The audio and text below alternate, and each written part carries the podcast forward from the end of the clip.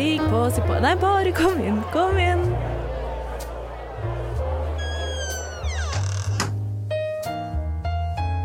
Her i lobbyen er det plass til alle sammen. Velkommen til lobbyen på Radio Nova. Ja, velkommen inn i lobbyen. I dag så sitter du her og skal få høre på meg, Chris, deg, Robin, Hallo. og deg, Iselin. Hallo! Hei! Vi er så heldige at vi har fått enda et nytt medlem med inn i vår lille lobbysfære. Vår lille lobbyboble. Lobbyboble. Vår lille lobby. Vår lille, vår lille lobby. Det var opportunity miss der, altså. Um, og det gleder vi oss masse til. Og eh, dere skal selvfølgelig få lov til å bli kjent med oss. Eh, vi skal snakke om det å være kjønnsskeiv på arbeidsplassen. Og så skal vi selvfølgelig snakke om det at Norge åpner opp igjen. Men aller først Hei, Robin. Hei. Hvordan går det med deg? Mm, eh. Hmm. Nei, jeg, jeg tenker jo at eh, livet mitt er en berg-og-dal-bane. eh, så jeg kan jo gi en oppdatering på det etter hvert. Men først kan jeg si hei, jeg heter Robin. Jeg er 28 år gammel. Jeg er ikke-binær og panseksuell. Eller pan. Bare pan. Panfil? Ja, det har vært en diskusjon om hvorvidt liksom, Hva er forskjellen på panseksuell og panfil, men vi tar ikke den i dag. Jeg er pan. Punktum. um, og jeg kommer fra Oslo, og jeg har fått jobb. Men vi tar det etterpå. Vi tar, vi tar alt det etterpå. Vi tar alt etterpå. Mange morsomme oppdateringer som kommer etterpå. Mye som skjer med, med Robin. Men uh, hvem er du? Jeg er eh, Chris. Jeg er eh, fremdeles 25 år, men kun enn så lenge. Snart bursdag. Men eh, nei, jeg er skeiv og kjønnsskeiv. Fremdeles fra Fredrikstad. Bor fremdeles i Oslo. Og ja, jeg har jo også jobb. Eh, Den har jeg hatt eh, fem uker nå. Så det, det turer og går. Og det, det skal vi også snakke mer om eh, senere. Men eh, vi har jo en til i studio. Ja, nei, jeg er Iselin. Jeg er 35 år og en uke. Gratulerer. Ja, takk. Eh, høres kanskje ikke sånn ut. Jeg føler meg ikke sånn. Men eh, jeg er vel det er litt vanskelig å definere meg sjøl, men jeg er i hvert fall skeiv. Det er jo, jeg er så glad i det begrepet skeiv, å kunne bruke det. For det er så Det er litt sånn Det er litt intetsigende, men også veldig beskrivende. Det er liksom, Du trenger ikke spesifisere det noe mer. Det er bare sånn Jeg er skeiv, og det er sånn Ja, OK, mm, fett. Jeg skjønner den. Men eh, Iselin, du har veldig fin dialekt. Ja, jeg er fra Lakselv i Finnmark. Så eh, nå har vi noen helt eh, nordfra og noen helt sørfra som er nye. Så det liker jeg. Veldig dumt spørsmål. Men lakseelv. Er det en lakseelv der?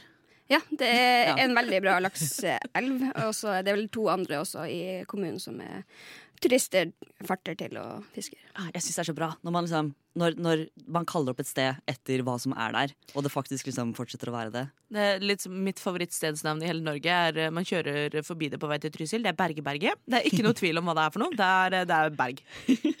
Men er det berg på berg? Jeg vet ikke, jeg har ikke vært der.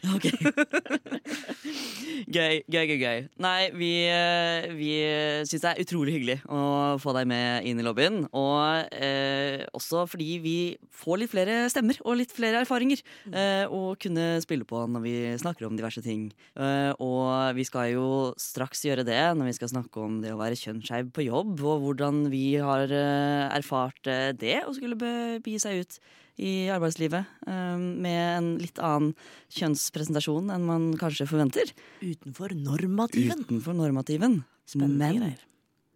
aller først så må vi nå si at i dag, når vi spiller inn, så er det lørdag. Klokken er eh, litt før elleve. Og om nesten, ja, litt over fem timer så åpner Norge igjen. Herregud! Herregud! Nå har det altså gått halvannet år med lockdowns, rødt nivå, gult nivå, innreisekarantene, hurtigtesting, vanlig testing, vaksiner og hurra meg rundt. Og nå er det lov å danse igjen. og det blir så spennende. Det, det, altså, ja, det, jeg så noen la ut på Instagram i går. Altså, pressemeldinga var jo i går. Uh, når vi spiller inn dette. Så Pressemeldinga var i går på fredag.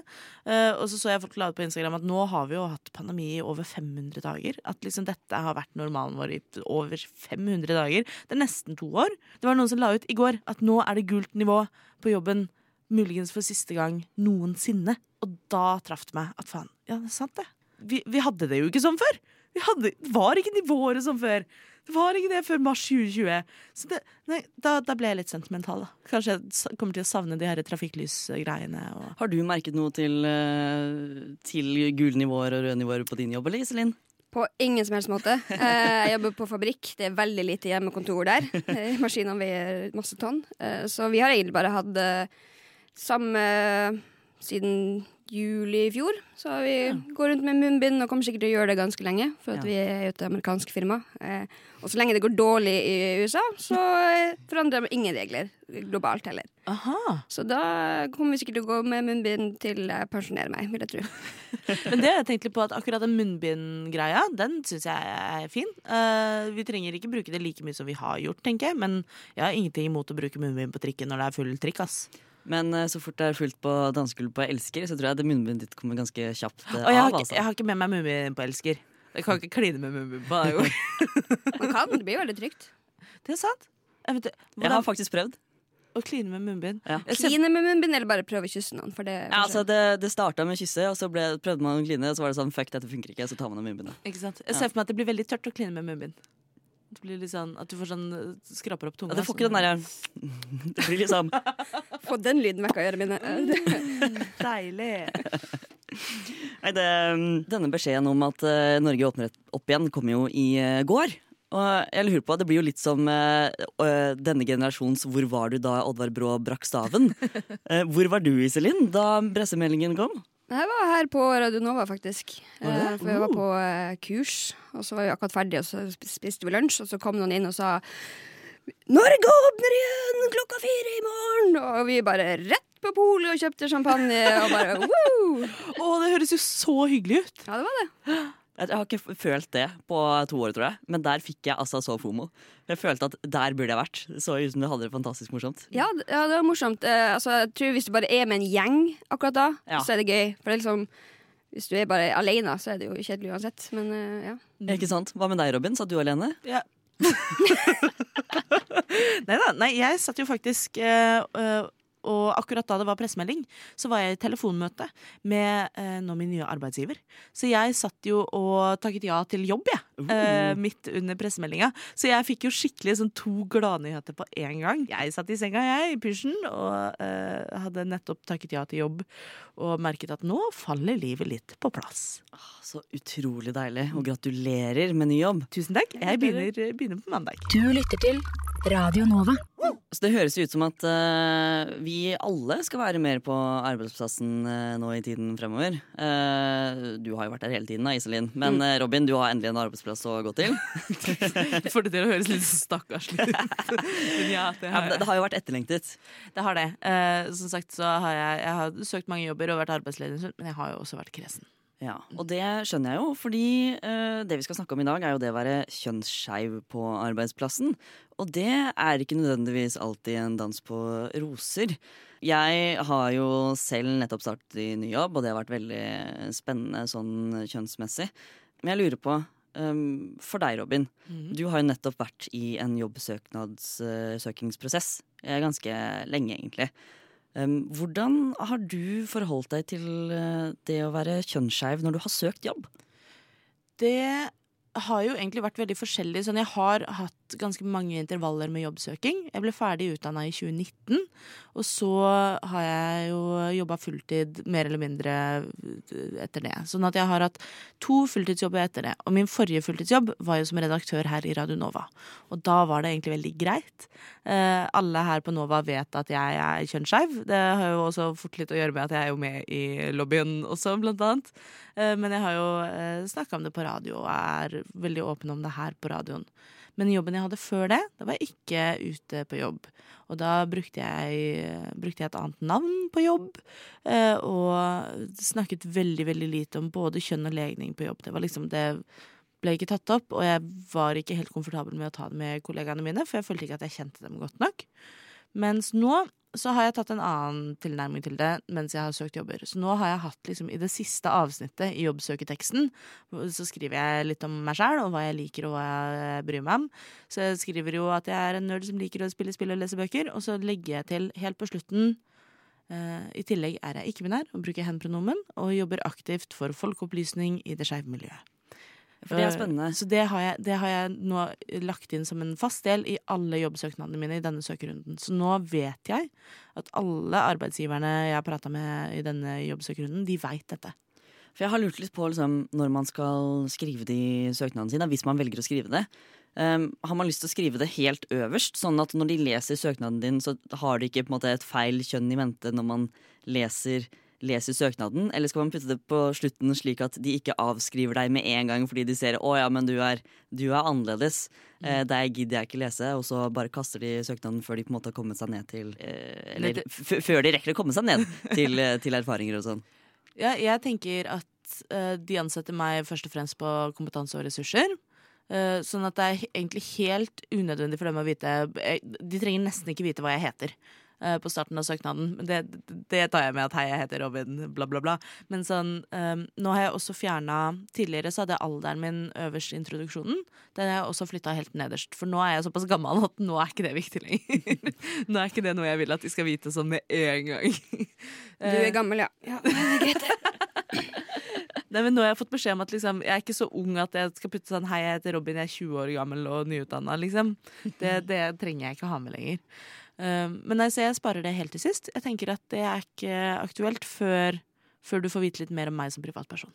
Men jeg synes det er lurt, eh, det du sier med at eh, du er først og fremst en ressurs. Mm. Det er først og fremst du søker på å fylle de, de hullene som de har i sin organisasjon. Som de trenger kompetanse på. Hvorvidt eh, du bruker hen, hun, han, de, dem, si, fei. Altså det spiller jo ikke noen rolle. Og så kommer det, det kommer jo også litt an på hva slags jobb jeg søker. Jeg har jo søkt en del journalistikkstillinger, siden det er jo radio som er mitt hjertebarn. Eh, og der eh, har det hendt at jeg har lagt inn tidligere, hvis det er f.eks. redaksjoner som jobber med mangfold og inkludering. Så har jeg eh, lagt det til litt tidligere i søknaden når jeg snakker om selve stillingen. Så sånn, dette er også en ressurs jeg har, og et kompetansefelt jeg har, som jeg kan snakke mer om, fordi jeg også er ikke-binær og aktiv i det skeive miljøet. Eh, men jeg gjør det ikke med mindre det er relevant. Når du da er på, på intervjuer, mm -hmm. er det da også noe du tar opp igjen? Liksom Nesten aldri. Nei, ok. Nei, da er det litt skummelt. Ja. Det er litt skummelt. Hvorfor er det mer skummelt da? Det er jo fordi det er face to face, og fordi jeg må forholde meg til et konkret menneske. Eh, og det er det jeg tror blir spennende også med å starte i ny jobb, og sånn, er hvorvidt jeg tør å snakke om særlig pronomen på jobb. For det er kanskje det mest liksom, relevante med det å være kjønnsskeiv i en arbeidshverdag. Så er det jeg, jeg vet ikke om de er kjønna dass eller ikke, men det, liksom, det kan jeg leve med. Men uh, pronomen er jo det som oftest blir det stedet hvor kjønn synes på jobb. Ja, for det er jo sånn at når man er eh, legningsskeiv, da, hvis du er eh, homofil eller bifil eller eh, aseksuell, eller, så kan man jo være ganske diskré. For det, den skeive identiteten der er jo ikke um, trenger ikke være noe grunnleggende ved hvem du er som person når folk skal adressere deg. Det er bare en tillegg som Å ja, så forelsker jeg meg også i disse typer personene. Men når det kommer til det å være kjønnsskeiv, så er det plutselig en Det er mye viktigere å bli anerkjent for å være kjønnsskeiv fordi det gjennomsyrer alle interaksjoner du har. da. Om man ønsker å være, være ute, så må man på en måte aktivt jobbe for å være ute. Fordi det er spesielt når man er ikke-binær, da. eh, Så er det ikke alltid så lett å, eh, å få de riktige pronomene brukt mot en, da. Fordi det er veldig mange som ikke er vant til, vant til andre pronomen enn hun og han. Men det er jo også litt hva du gjør det til, og hva du har lyst til å fokusere på på jobb. Og jeg vet jo også at Ja, vi snakker om det å være kjønnsskeiv på jobb, men jeg vet jo om flere som også syns det er vanskelig å være skeiv-skeiv på jobb. Mm. Eh, og det kommer jo helt an på arbeidsmiljøet og hva slags jobb det er. Men sånn eh, Særlig yrker hvor du jobber tett med andre mennesker, da, så kan det jo hende at du fort føler på all type skeivhet som noe du må forholde deg til på arbeidsplassen. Ja. Så eh, det er nok litt, det er litt viktig å huske på det også når vi snakker om det, tenker jeg. At det er, en ting er den språklige tilstedeværelsen av pronomen som gjør dette med å være kjønnsskeiv til en helt egen opplevelse på en arbeidsplass. Men nei, jeg veit ikke. At jeg, jeg skjønner, skjønner godt de som syns det er tungt å være ja, si lesbisk på jobb, da. Og så har du noen som snakker i lunsjen om at ja, det, det er så det, Jeg syns lesbene skal fortsette å dra til Danmark, jeg. Liksom, altså, sånn, du vet aldri hva du får på arbeidsplassen, særlig hvis du er i skapet. Mm. så det er en kinkig situasjon uansett hva, tror jeg. Og du, Iselin, du sa jo at du jobber på fabrikk. Ja. Um, hvordan er, nå er det jo bare jeg som kommer med masse stereotyper som popper inn i hodet mitt uh, av eh, mennesker man kan møte på, som jobber på fabrikk. Men uh, hvordan har du selv opplevd at andre har tatt imot uh, deg, da? Eller eventuelt har du vært åpen om deg selv? Altså, det er det som er litt rart, fordi jeg er jo på en måte åpen om at jeg er uh, legningsskeiv, da. Mm. Det føler jeg ikke har vært noe problem. Eh, og det har jeg vært siden jeg begynte det for fire år siden, eller fem, eller hva det blir. Men akkurat det her med at jeg ikke ble der, det sa jeg jo ikke i starten. Men uh, det fant jeg egentlig ut på grunn av Robin! Yay! Så det er litt sånn starstruck med å være her.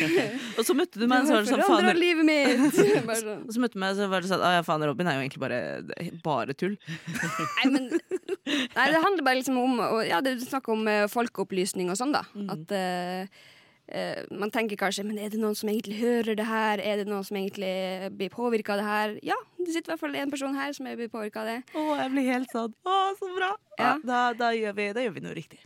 Men uh, igjen, da, så har ikke jeg da vært Eller definert meg sjøl som ikke-binær veldig lenge.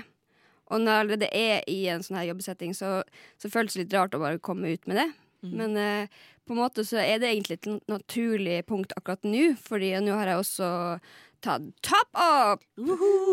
det, Jeg gidder ikke å snakke så mye mer om det. Eh, De fleste vet vel hva det, hva det er. Og da har jeg vært borte i fire uker. Oh, ja! Um, og eh, nå har jeg vært på jobb i to uker, og det var først natt til torsdag, tror jeg, at eh, noen spurte hva, hvilken type operasjon jeg hadde hatt, eller hvorfor jeg var borte. Og da klarte jeg egentlig ikke å svare på det. Nei. Så Nei, hva var det du sa i stedet? jeg sa jeg skal spille inn en podkast der kanskje skal snakke om det. Uh, kan ikke du bare høre på den? Veldig bra. Ja, nei, men jeg skjønner det veldig godt. Og så blir det, det blir så nært og personlig, da. Uh, og det er også er jo litt sånn Hvor personlig har man lyst til å være med folk på jobb, egentlig?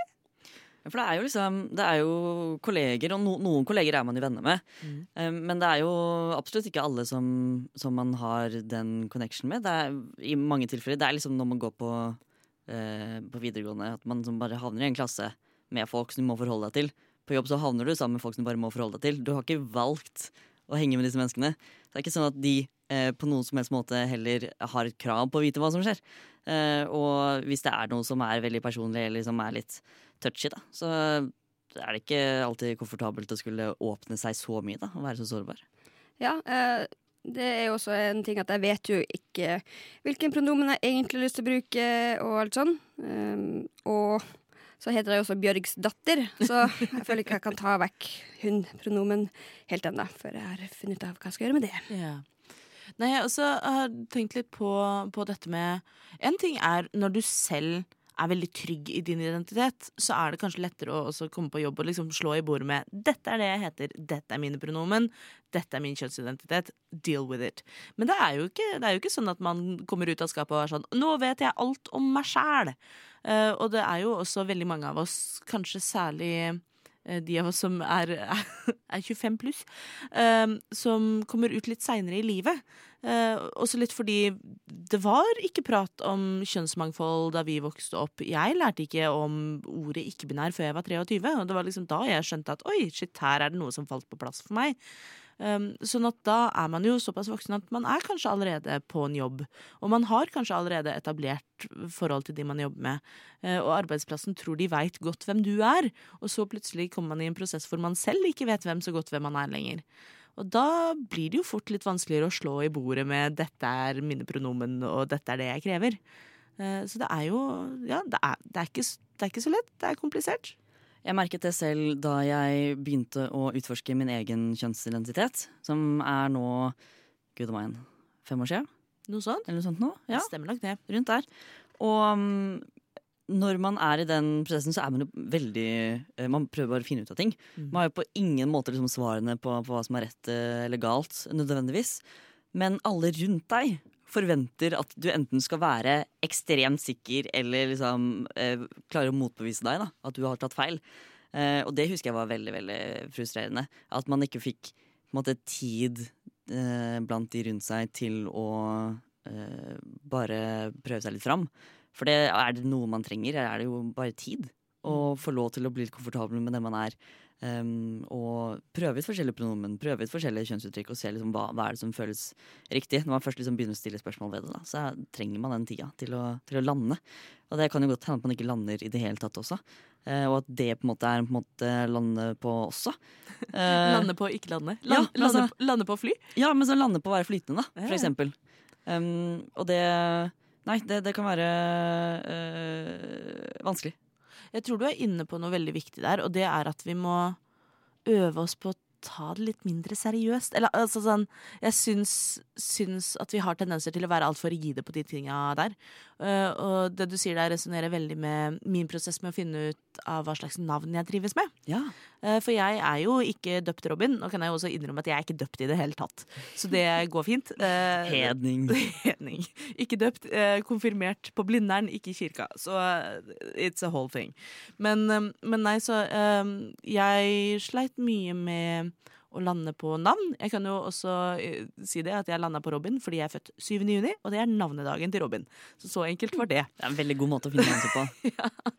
uh, men, uh, men, nei, og da følte jeg også at da jeg begynte å bruke Robin i første omgang, så møtte jeg på ganske mye motstand, så jeg måtte stå ganske hardt i det. Uh, og jeg tenker fremdeles på den dag i dag at det kan hende at kanskje hadde jeg funnet et annet navn som jeg hadde likt bedre, som hadde passet meg bedre, og som hadde resonnert mer med meg. Men jeg måtte stå sånn i kampen med Robin at jeg turte ikke å prøve noe annet. For da følte jeg at hvis jeg går tilbake på det her, hvis jeg sier at uh, jeg vil prøve et annet navn i stedet, så virker jeg vaklevaren, jeg virker utrygg, jeg virker usikker på hva jeg driver med, og det kan ikke jeg risikere å gjøre nå, for jeg er trygg i kjønnsidentiteten min, men navnet var det jeg måtte finne ut av. Så det er noe med Jeg tror hvis vi bare gir folk litt mer slack, og gir folk litt mer rom til å prøve ting, om det er liksom Om det er å være maskulin med langt hår og neglelakk, eller om det er å bytte navn, men liksom La, gi folk rom til å leke seg med kjønn og uttrykk og navn og pronomen og whatever. Jo mer spillerom, desto bedre får man det, tror jeg. Men jeg tror at det er en treningssak. Og jeg tror at særlig på arbeidsplassen, for eksempel, så er folk vant til at man er, liksom, man er mer medarbeider og kollega enn man er et menneske i utvikling. Men jeg tror vi må gi rom til begge deler, Ja. Hvordan har det vært for deg med å bruke Robin på arbeidsplass? Jeg, jeg har jo veksla.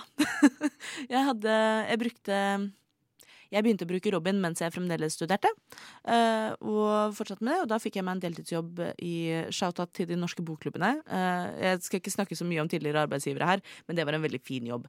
Jeg trivdes veldig godt der, og der brukte jeg Robin. Uh, og det er jo morsomt, for der jobbet jeg mye i telefon, så der var det jo veldig mange gamle damer som ringte bokklubben for å snakke om bøker, og så svarte jeg med min stemme at jeg heter Robin, og de syntes alltid det var litt spennende. men det var, det var hyggelig, og der brukte jeg Robin på jobb. Men så, da jeg var ferdigstudert og begynte å jobbe fulltid på en ny arbeidsplass, så uh, brukte jeg det gamle navnet mitt på jobb. Um, også litt fordi Jeg vet ikke, jeg følte at det var en litt mer konservativ arbeidsplass. Uh, og så hadde jeg ikke endret navn i folkeregisteret ennå. Det har jeg gjort nå.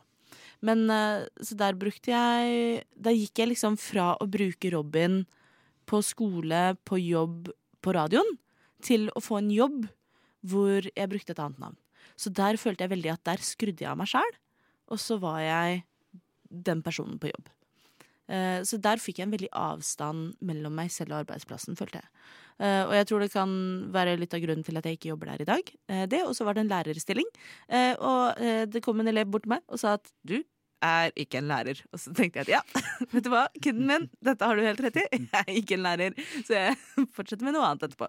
Uh, men nei, så um, der var jeg ikke, ikke, ute med navn og sånn på jobb. Uh, men det var egentlig litt, litt fint å prøve det også, for da fikk jeg bekrefta veldig for meg selv at dette er ikke riktig. Ja, ikke sant. Mm. Og det, det, det, er nettopp det som er så fint med den utprøvningen. Da. Det var veldig kjipt å høre at du måtte uh, prate, igjen, bruke, bruke et annet navn uh, på, på, jobb. Jeg måtte jo ikke. Nei, men at, uh, Ikke nødvendigvis at du måtte, men at du følte at du burde. Ja, og så var det litt det at når jeg først hadde søkt med det andre navnet, og så fikk jeg tilbud om den stillinga, og så takket jeg ja til det, så turte jeg ikke si noe annet. Så det liksom, da, hadde jeg allerede, da hadde jeg allerede på en måte driti litt på draget. Og så var jeg sånn Å nei, jeg, med, nei, jeg kan ikke begynne å ta denne diskusjonen nå. Det blir for meget. Men hadde jeg hatt det i søknadsteksten min da, så hadde det jo vært noe annet. Men Ja. det hadde jeg ikke da. Så da turte jeg ikke. Ikke sant? Nei, Nei, jeg bare lurte på eh, de damene som du snakka om, uh, som ringte inn. Ja. Hvorfor tenkte du at, at de syntes at Robin var et rart navn? Fordi uh, For meg er jo Robin, altså det er jo svenske Robin, er jo et kvinnelig liksom, navn, samtidig som det også kan være et mannlig navn. Så jeg skjønner ikke hvorfor det skal være så rart. Uh, det viser seg å være et eh, For jeg også tenkte veldig sånn som deg. At uh, Jeg tenker på svenske Robin, og så tenkte jeg på Robin fra, fra How I Met Your Mother. I USA så er det jo også et både feminint og maskulint navn. Uh, men det viser seg at i Norge, hvis du er over 40-50-60 cirka, så er det et veldig maskulint navn. Eh, Så det er det for det meste menn som heter Robin. Ja. Og hvis du spør min farmor, så tenker hun bare på elektrikeren hun vokste opp med som het Robin. Eh, Og det blir helt feil for meg, for jeg heter ikke Robin, jeg heter Robin. Herregud. Nei, um, selv så kan jeg kjenne meg igjen i det med å eh, oppgi noe informasjon til en arbeidsplass, og så merke at det er feil. Og så kanskje uh, lure på skal jeg endre på dette, eller skal jeg bare leve i denne eh, eh, bildet de har av meg for alltid. Eh, hvor jeg nesten gjorde sistnevnte. Um, men heldigvis eh, valgte å ikke gjøre det. Jeg har nettopp starta i uh, ny jobb. Jeg starta i august. Og der, um, der jeg søkte, så hadde jeg maskulint personnummer. Uh, og når vi skulle uh, registrere oss da, um, som ansatte, så fikk vi sånn skjema som vi måtte fylle inn i. Og da var det en fin boks hvor det sto kjønn.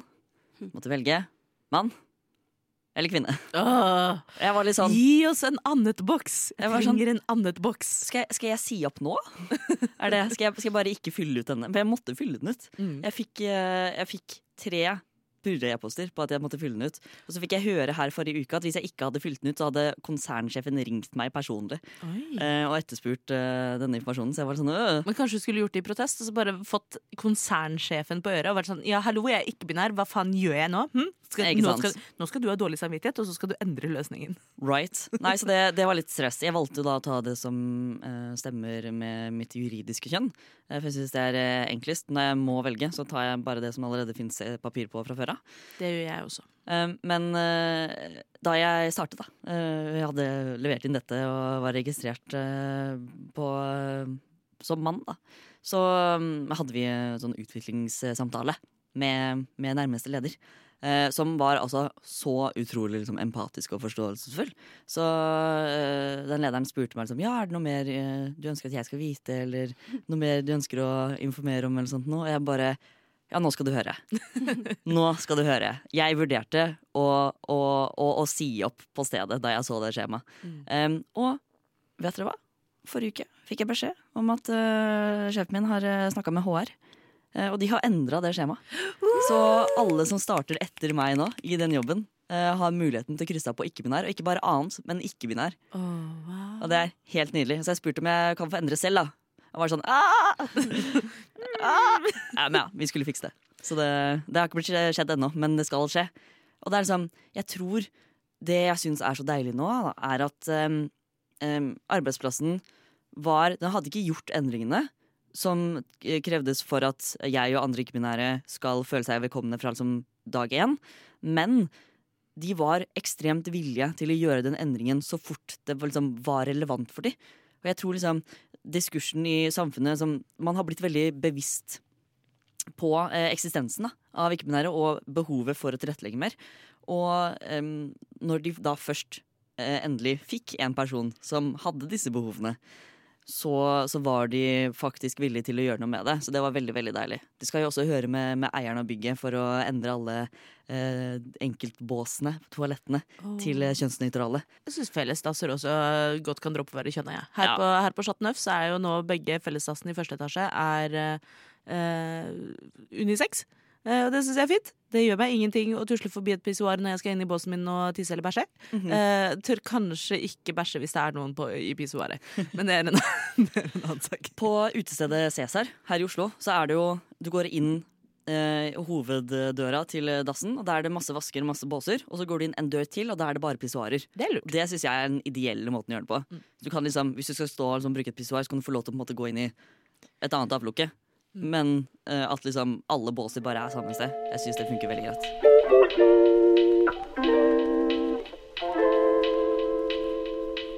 Okay, listen up. This is for the girls and the gays and the theys. So if you're not a girl or gay or they, keep scrolling. I'll wait.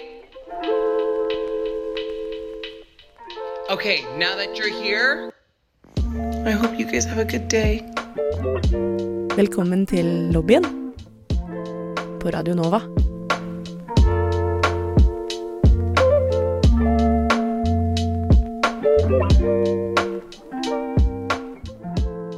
Men for å gå tilbake til dette med kjønn og samtale med arbeidsplass og sånn, da, så syns jeg du tar opp noe fint, og det er dette med at med en gang man redegjør for at øh, dette er noe som er aktuelt for dine medarbeidere akkurat nå, så tror jeg det skjer et skifte hos folk. Og jeg tror det er det uh, man liksom Vi er i prosessen med uh, å, å få til dette skiftet, men det er skiftet mellom oss og dem-mentaliteten. For jeg tror veldig ofte når man leser om ikke-binær i media, og ikke selv er ikke-binær, uh, og man kanskje ikke er kjent med at det er et stort kjønnsmangfold, og at man er veldig liksom, låst fast i de rigide rammene om mann og kvinne er det som er vanlig, Um, så er det også veldig fort å lese disse sakene om ikke-binære og tenke at ja, men dette er en liten minoritet. Dette er en liten gruppe som de har ikke noe med meg å gjøre. Uh, og da er det jo veldig viktig, egentlig, at uh, man tør på jobb å si fra om at hei, ja, men nå er, det, nå er ikke dette lenger dem, nå er ikke dette lenger denne lille gruppa som du ikke trenger å forholde deg til. Her er jeg. Jeg er en ressurs du har valgt å ansette fordi jeg er flink i jobben min men jeg er ikke-binær, så dette må du forholde deg til. Men samtidig så er jo det også Det er jævlig skummelt. Det er skikkelig skummelt å ta den plassen på jobb. Eh, og det er jo derfor jeg ikke turte det på en arbeidsplass jeg hadde for noen år tilbake. Fordi det var liksom Jeg, jeg følte ikke at jeg hadde et behov for det. Jeg følte ikke at jeg hadde rett til å ta den plassen og stille de krava. Eh, og jeg tenker at det også er en helt ærlig sak, og ikke ikke har lyst til å stå i den kampen, for det kan være ubehagelig. Eh, Det kan skape konflikt, du kan ha en arbeidsgiver som ikke skjønner det, eller ikke respekterer det. Og det er, det er dritt, men det kan være en realitet, så det er jo en gamble man må ta. Men hvis du tør å stå i det, eh, og hvis du tør å si ifra, så bidrar du jo til å vise en arbeidsgiver og en arbeidsplass at det er ikke bare de raringene der borte i hjørnet som nekter å krysse av for mann eller kvinne. Her er det en kollega du jobber med hver dag. Eh, Som er et helt vanlig menneske, som du omgås på jobb, og som du kanskje til og med liker. eh, Men som også er ikke-binær. Eh, Så det hjelper å, å fjerne den distansen og den polariseringa og fremmedgjøringa. Men det er, det er skummelt. Det er det. Ja, nei, for at eh, vi har jo garderober på jobb, Ja. så vi må jo skifte til eh, arbeidstøy. Og da var jeg litt sånn derre Nå når jeg ikke har bryster lenger, så var liksom Det var den ene tingen jeg følte jeg kunne bare sånn øh, pushe frem med brystet. Bare sånn, Men se her! Her er grunnen til at jeg skal inn i denne garderoben. Og nå føles det eh, rarere å være der. Mm. Litt også fordi at eh, vi går stort sett bare med en sånn genser. Eh, og vanligvis før så hadde jeg sånn sportsaktig topp under. Og nå liksom, har jeg liksom ingenting under. Og det føles jo veldig rart. Skal man bare kle seg naken liksom, på overkroppen og i en jentegarderobe? Det føles jo veldig rart. Så eh, jeg vet ikke hva, hvordan man skulle løst det. Om man skulle hatt en ikke-binær garderobe òg. Så man bare kan være fri og være toppløs, og ingen syns det er rart. For det, ja. Dette vet jeg jo at du, Chris Du har jo eh, et garderobeoppgjør. Jeg har et garderobeoppgjør på jobb og med alle treningssentre jeg har vært eh, innom eh, det siste året. Eh, På jobb så har vi også garderober. Vi har uh, mulighet til å sykle til jobb, og der er det, det er freshe håndklær hver dag Uh, i denne garderoben. Jævla IT-bransje. Ja, det er altfor fancy. Men uh, der er også er det, det er um, en felles område for alle skap og sånn. Så alle skapene er i en felles garderobe. Men så går man inn en mannedør eller en kvinnedør, og der er dusjene. Um, og jeg sliter med å finne ut hva jeg skal gjøre. For jeg, jeg kunne tenke meg å liksom dusje på jobb. Eh, og så er jeg litt sånn Juridisk sett så skal jeg gå inn mannedøra. Kroppslig sett eh, så tror jeg jeg får flere rare blikk om jeg går inn mannedøra enn om jeg går inn kvinnedøra. Eh, men hvis jeg åpner kjeften igjen, så blir det plutselig litt vanskeligere. Så det er litt sånn eh, Jeg har ikke helt funnet ut av hvordan jeg skal, hvordan jeg skal løse det. Men jeg har et veldig behov for at, eh, at dette gjøres noe med. Og jeg har faktisk snakka med en fyr som driver med bygging av eh, kontor, eh, kontorbygg. eh, som tok eh, og rett og slett spurte eh, noen jeg kjente, om hvordan de best mulig skulle legge til rette for ikke-binære når de skulle bygge kontorbygg. Eh, og da også spesifikke garderober. Og det syns jeg var veldig fint. Å høre at når vi bygger arbeidsplasser i dag, så er det faktisk noe som i hvert fall noen utbyggere tenker på.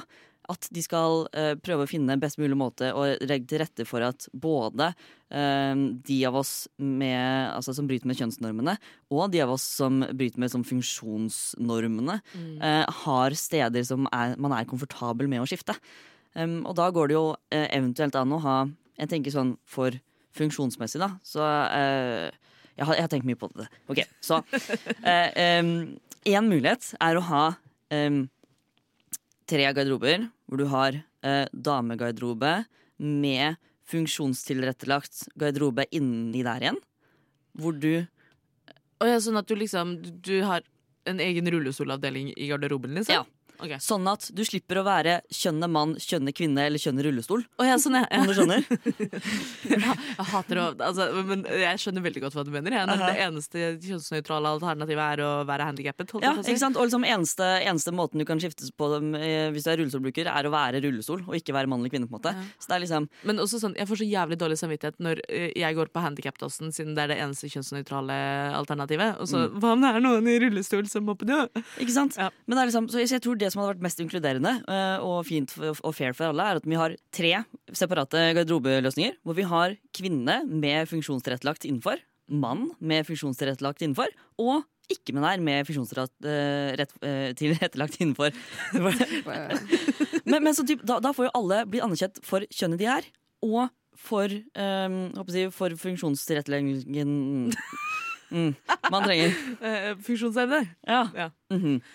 Nei, men Det, det syns jeg jo høres ut som et, eh, et godt alternativ, men det er jo, det er jo litt leit at man det, det, Da må man bygge nye bygg. eh, Sånn at jeg skjønner veldig godt, som på arbeidsplassen din, Iselin, at når man først har et bygg som er litt sånn satt i stein, bokstavelig talt, eh, og man har en garderobeløsning som er todelt og binær, så blir det jo litt kinkig. Men man må vel kanskje bare ja, enten si fra til ledelsen og spørre liksom hva de tenker, eller bite tenna sammen. Jeg veit ikke. Men det er liksom, ja. Ja, nei, fordi i garderoben hos oss da, så er det jo to dusjer med egen altså med dør, da. Ja. Så jeg trenger ikke å se noen når jeg dusjer der. Eh, Men det er jo akkurat bare når man skal skifte Ja. klær at det er et problem. Ja, jeg tror eh, Det, det finnes jo ufattelig mange kontorbygg fra før av som man på en måte ikke får gjort noe med. Eh, mange bygg kan jo pusses opp, men det er ikke alle, alle som har plass. rett Og slett Og da må man jo finne, finne noe lurt der. Men jeg tror uansett at med bygg som bygges nå av, da, eh, så er det noe som er lett å ta med i beregningen. Jeg syns det er flott å høre at det faktisk blir gjort. det Og jeg tenker jo også som så at herregud, det er jo, vi er jo i Norge. Eh, verdens eh, mest sjenerte land. Så eh, alle bygg som bygges her, sånn, jo mindre man må forholde seg til andre mennesker, eh, særlig i en garderobe eller på dass, så tror jeg bare nordmenn syns det er helt fint. Ja. Altså Hvis det begynner å bygges eh, busser med enkeltseter langs vinduene og på, på hele bussen, så tror jeg alle nordmenn er strålende fornøyd. Så nei, det, jo flere avlukker, desto bedre, tror jeg er liksom den norske standarden uansett. Jeg. Jeg tror det er veldig riktig det du sier der, altså. det, felles garderober er uansett ikke noe jeg, jeg vet ikke, jeg har aldri likt det. Nei. Eh, Jeg husker liksom da jeg vokste opp på eh, Ja, gikk på ungdomsskolen, og da jeg begynte å finne ut av liksom legning og sånn. For det var liksom var litt kleint. Og var jo, da var jeg jo identifisert meg som kvinne, men det var bare det at jeg var skeiv som gjorde at det ble ukomfortabelt.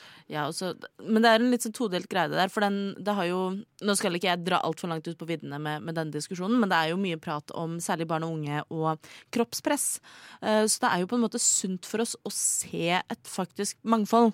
eh, og faktisk se hverandre når man er ung, og se at liksom alle kropper er normale kropper, og alle kjønn er normale kjønn. Men Eh, samtidig så er det viktig å kunne ha litt privatliv ved behov. Men sånn, jeg også pleide å skifte i et eget avlukke på ungdomsskolen. Det hadde ikke med kjønn og legning å gjøre, men det hadde å gjøre med at jeg syntes kropp var veldig vanskelig. Ja. Eh, og det Ja, jeg var veldig takknemlig for at jeg kunne skifte alene, men jeg tror også at det var viktig for meg å kunne se at andre kropper også ser vanlige ut, og at det er lov å se ut akkurat som man, som man gjør.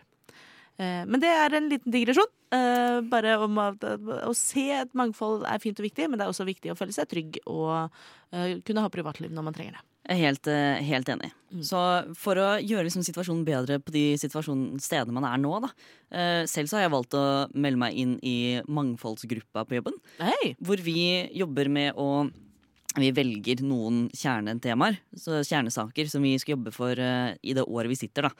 Og jeg har jo lyst til å nå kjempekamp for at vi skal eh, gjøre det å være kjønnsskeiv enda bedre.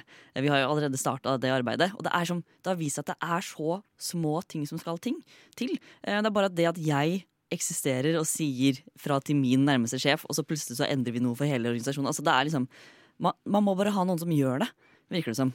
Jeg tror også at vi som kjønnsskeive Vi legger mye mer merke til de tingene som går utover oss, Ja. enn det folk som er privilegert med kjønnsnormative uttrykk gjør.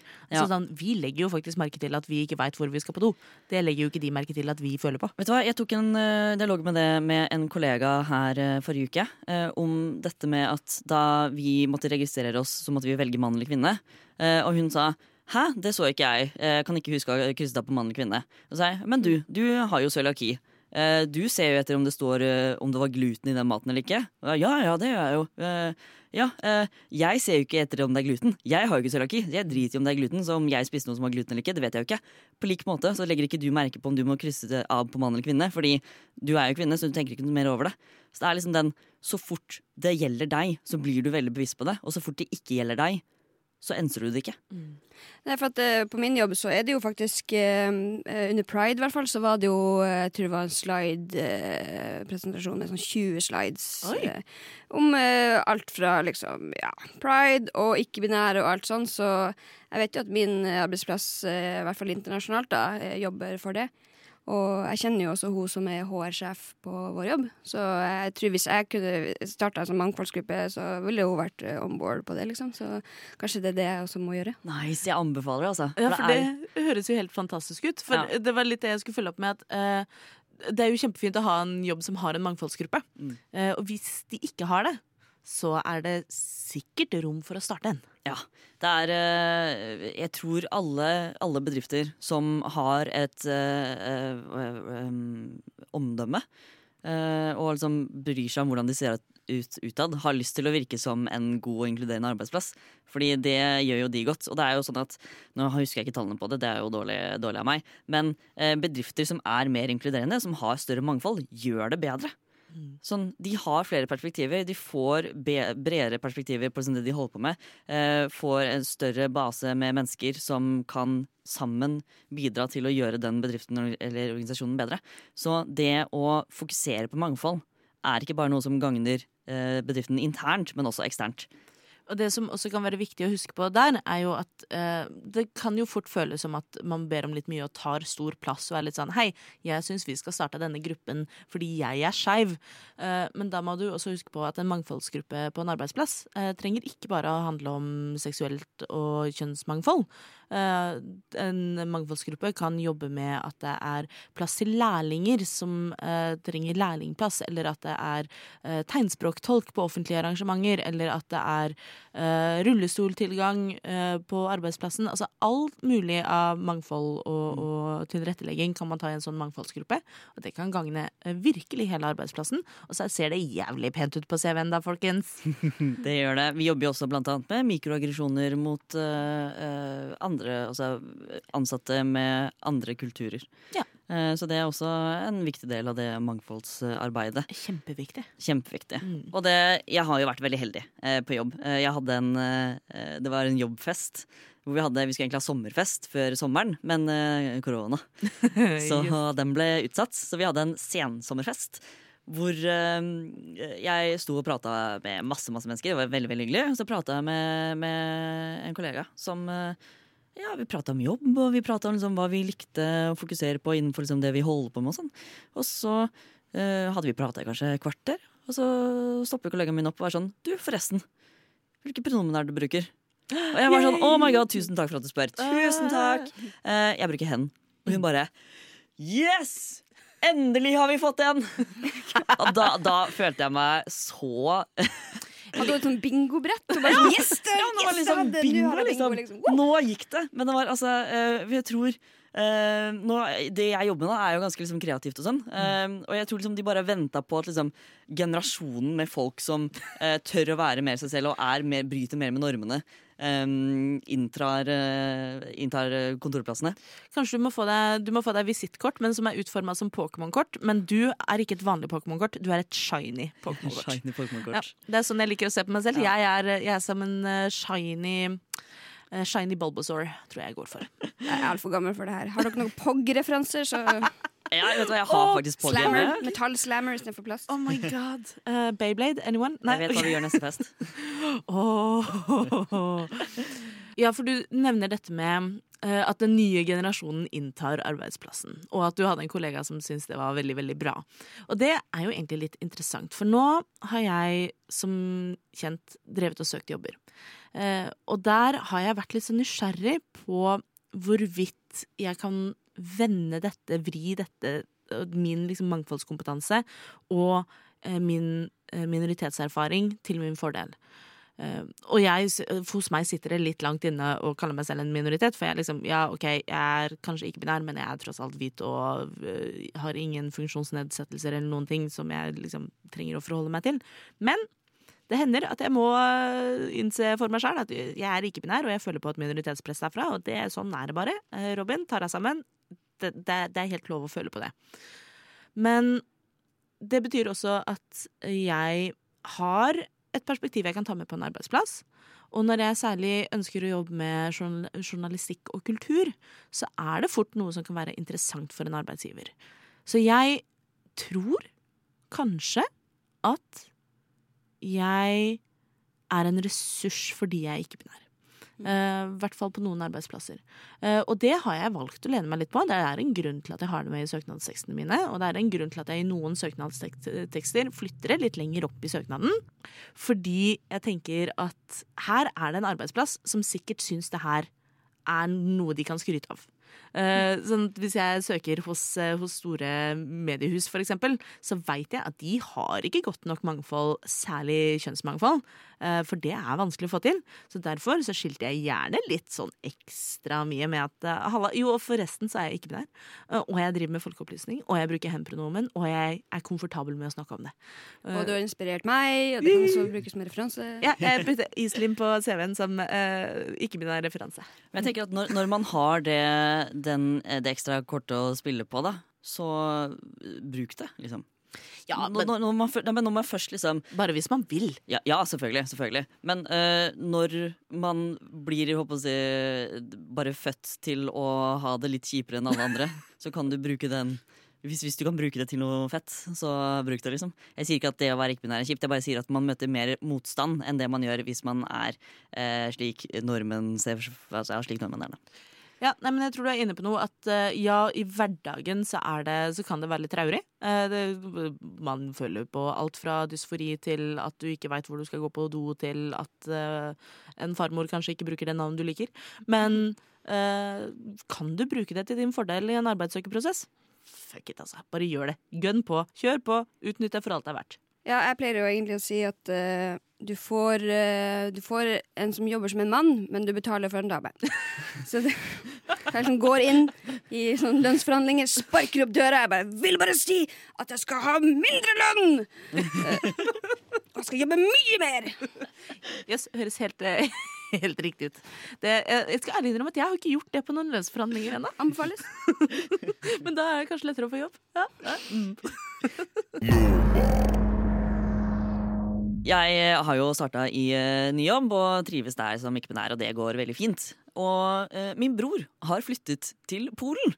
Eh. Han er jo ikke ikke-binær eller skeiv, men jeg er jo det. Og jeg har veldig lyst til å komme på besøk. Men som vi vet, så har det vært eh, eh, flere LHBT-frie soner i Polen som har dukket opp det siste året. Um, og nå eh, har faktisk et EU-press eh, ført til at det blir færre LHBT-frie soner i Polen. Det er utrolig fint. Altså, EU sier at eh, de, de rett og slett ikke har lyst til å gi finansiering til eh, flere av disse polske regionene, da, som, eh, som har lyst til å være helt homofrie. Um, så det syns jeg er fantastisk, at uh, Polen gir etter på det. Så det blir no homo, no money. No homo, no money. Mm. Så det, da, da kanskje jeg kan besøke broren min i Polen likevel. Og så blir det selvfølgelig veldig mye bedre for de skeive som bor i Polen i dag. Så det, det er godt å høre. Det er en glad nyhet. Det er en skikkelig gladnyhet. Jeg har også en gladnyhet. Og det er at SV nå fremmer forslag om å tillate eggdonasjon for transmenn i Norge. Fuck yeah. Og det er, jo, det er jo egentlig litt sånn ukjent problematikk for mange, men det er altså slik at i Norge, hvis du ønsker eggdonasjon eh, eller å fryse ned dine egne egg, så må du til Danmark. Eh, mens nå så er det altså oppe til diskusjon på Stortinget hvorvidt transmenn i Norge eller transmaskuline personer skal få lov til å eh, donere bort sine egg eller fryse dem ned før de begynner på hormonell behandling. For hormonell behandling med testosteron kan føre til kjemisk kastrering eh, i verste fall. Eh, I beste fall så eh, vet man ikke helt hva som skjer, men kroppen reagerer ulikt. Men nå skal du i hel forhåpentligvis slippe å dra til Danmark for å kunne ta vare på dine egne egg. Det. Men det blir tatt opp i Stortinget, så vi holder dere oppdatert på hvordan det går. Og Iselin? Jeg har ikke så mange nyheter. Jeg bare lurer på hva skal vi gjøre i dag for å feire? Hva skal vi gjøre i dag for å feire? I dag den sagnomsuste lørdag 25. september, når Oslo og Norge åpnet igjen. Skal vi feste? Party, party, party, party. Med radioen. Ja.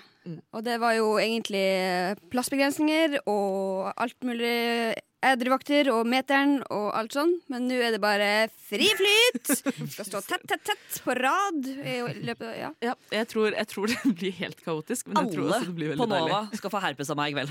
Nei, Chris! Hvor da? La ikke, altså ikke, ikke ny pandemi her nå. Ikke sånn eh, Radio Nova-pandemi med herpes. Det orker jeg ikke. Okay, da. Orker jeg Men det er vel over 90% som har det allerede. Så Ja. liksom. Jeg har ikke det. Jeg har jo, som dere fikk vite forrige sending, tuberkulose. Da ble jeg også testet for herpes. Eh, Jeg har hele livet trodd at jeg har det. Det har jeg ikke. Så hvis noen vil kline med meg, ikke noe herpesfare. Og jeg tenkte mest å dele det ved å drikke av andres glass, men ja. det, Særlig. Det sier de alle. jeg har kjæreste, det går bra. Ja, mm. Eh, men eh, nei, feste i dag. Eh, jeg tenker også å Jeg må innom polet. Jeg må kjøpe meg en god sider. Jeg er ikke noe glad i champagne og cava, og sånn, men jeg må ha meg en god sider. Og den skal poppes klokken 16.00. Å, gjett. Eh, vi skal som sagt feste med radioen. Det blir nok eh, smertelig lang kø i hele Oslo by i dag. Eh, så vi jukser oss til en eh, hjemmefest med radiokanalen. Men jeg t ser jo for meg at eh, vi blir å finne eh, gatelangs eh, rekene i Oslo eh, i løpet av de neste ukene, tenker jeg. Og meg. Og jeg gleder meg så mye til å møte alle deres vakre fjes. Husk å si hei! Kanskje vi bare svinger forbi Elsker akkurat klokka tre når alle går ut. Ikke sant? Sånn, ja, du! Og så bare Nå blir det hjem. Husk å si hei, men ikke gi oss klem uten å spørre først. Ja. Tusen takk. God gjenåpning. God gjenåpning. god gjenåpning. Du har nettopp hørt en podkast av Lobbyen på Radio Nova. Er du interessert i å høre mer? Du finner oss på Lobbyen på Facebook eller på Instagram under lobbyen.nova. Der kan du også sende inn spørsmål eller temaer til fremtidige episoder. Vi slipper episoder hver mandag og er å finne på lufta på Radio Nova mandager klokken fem.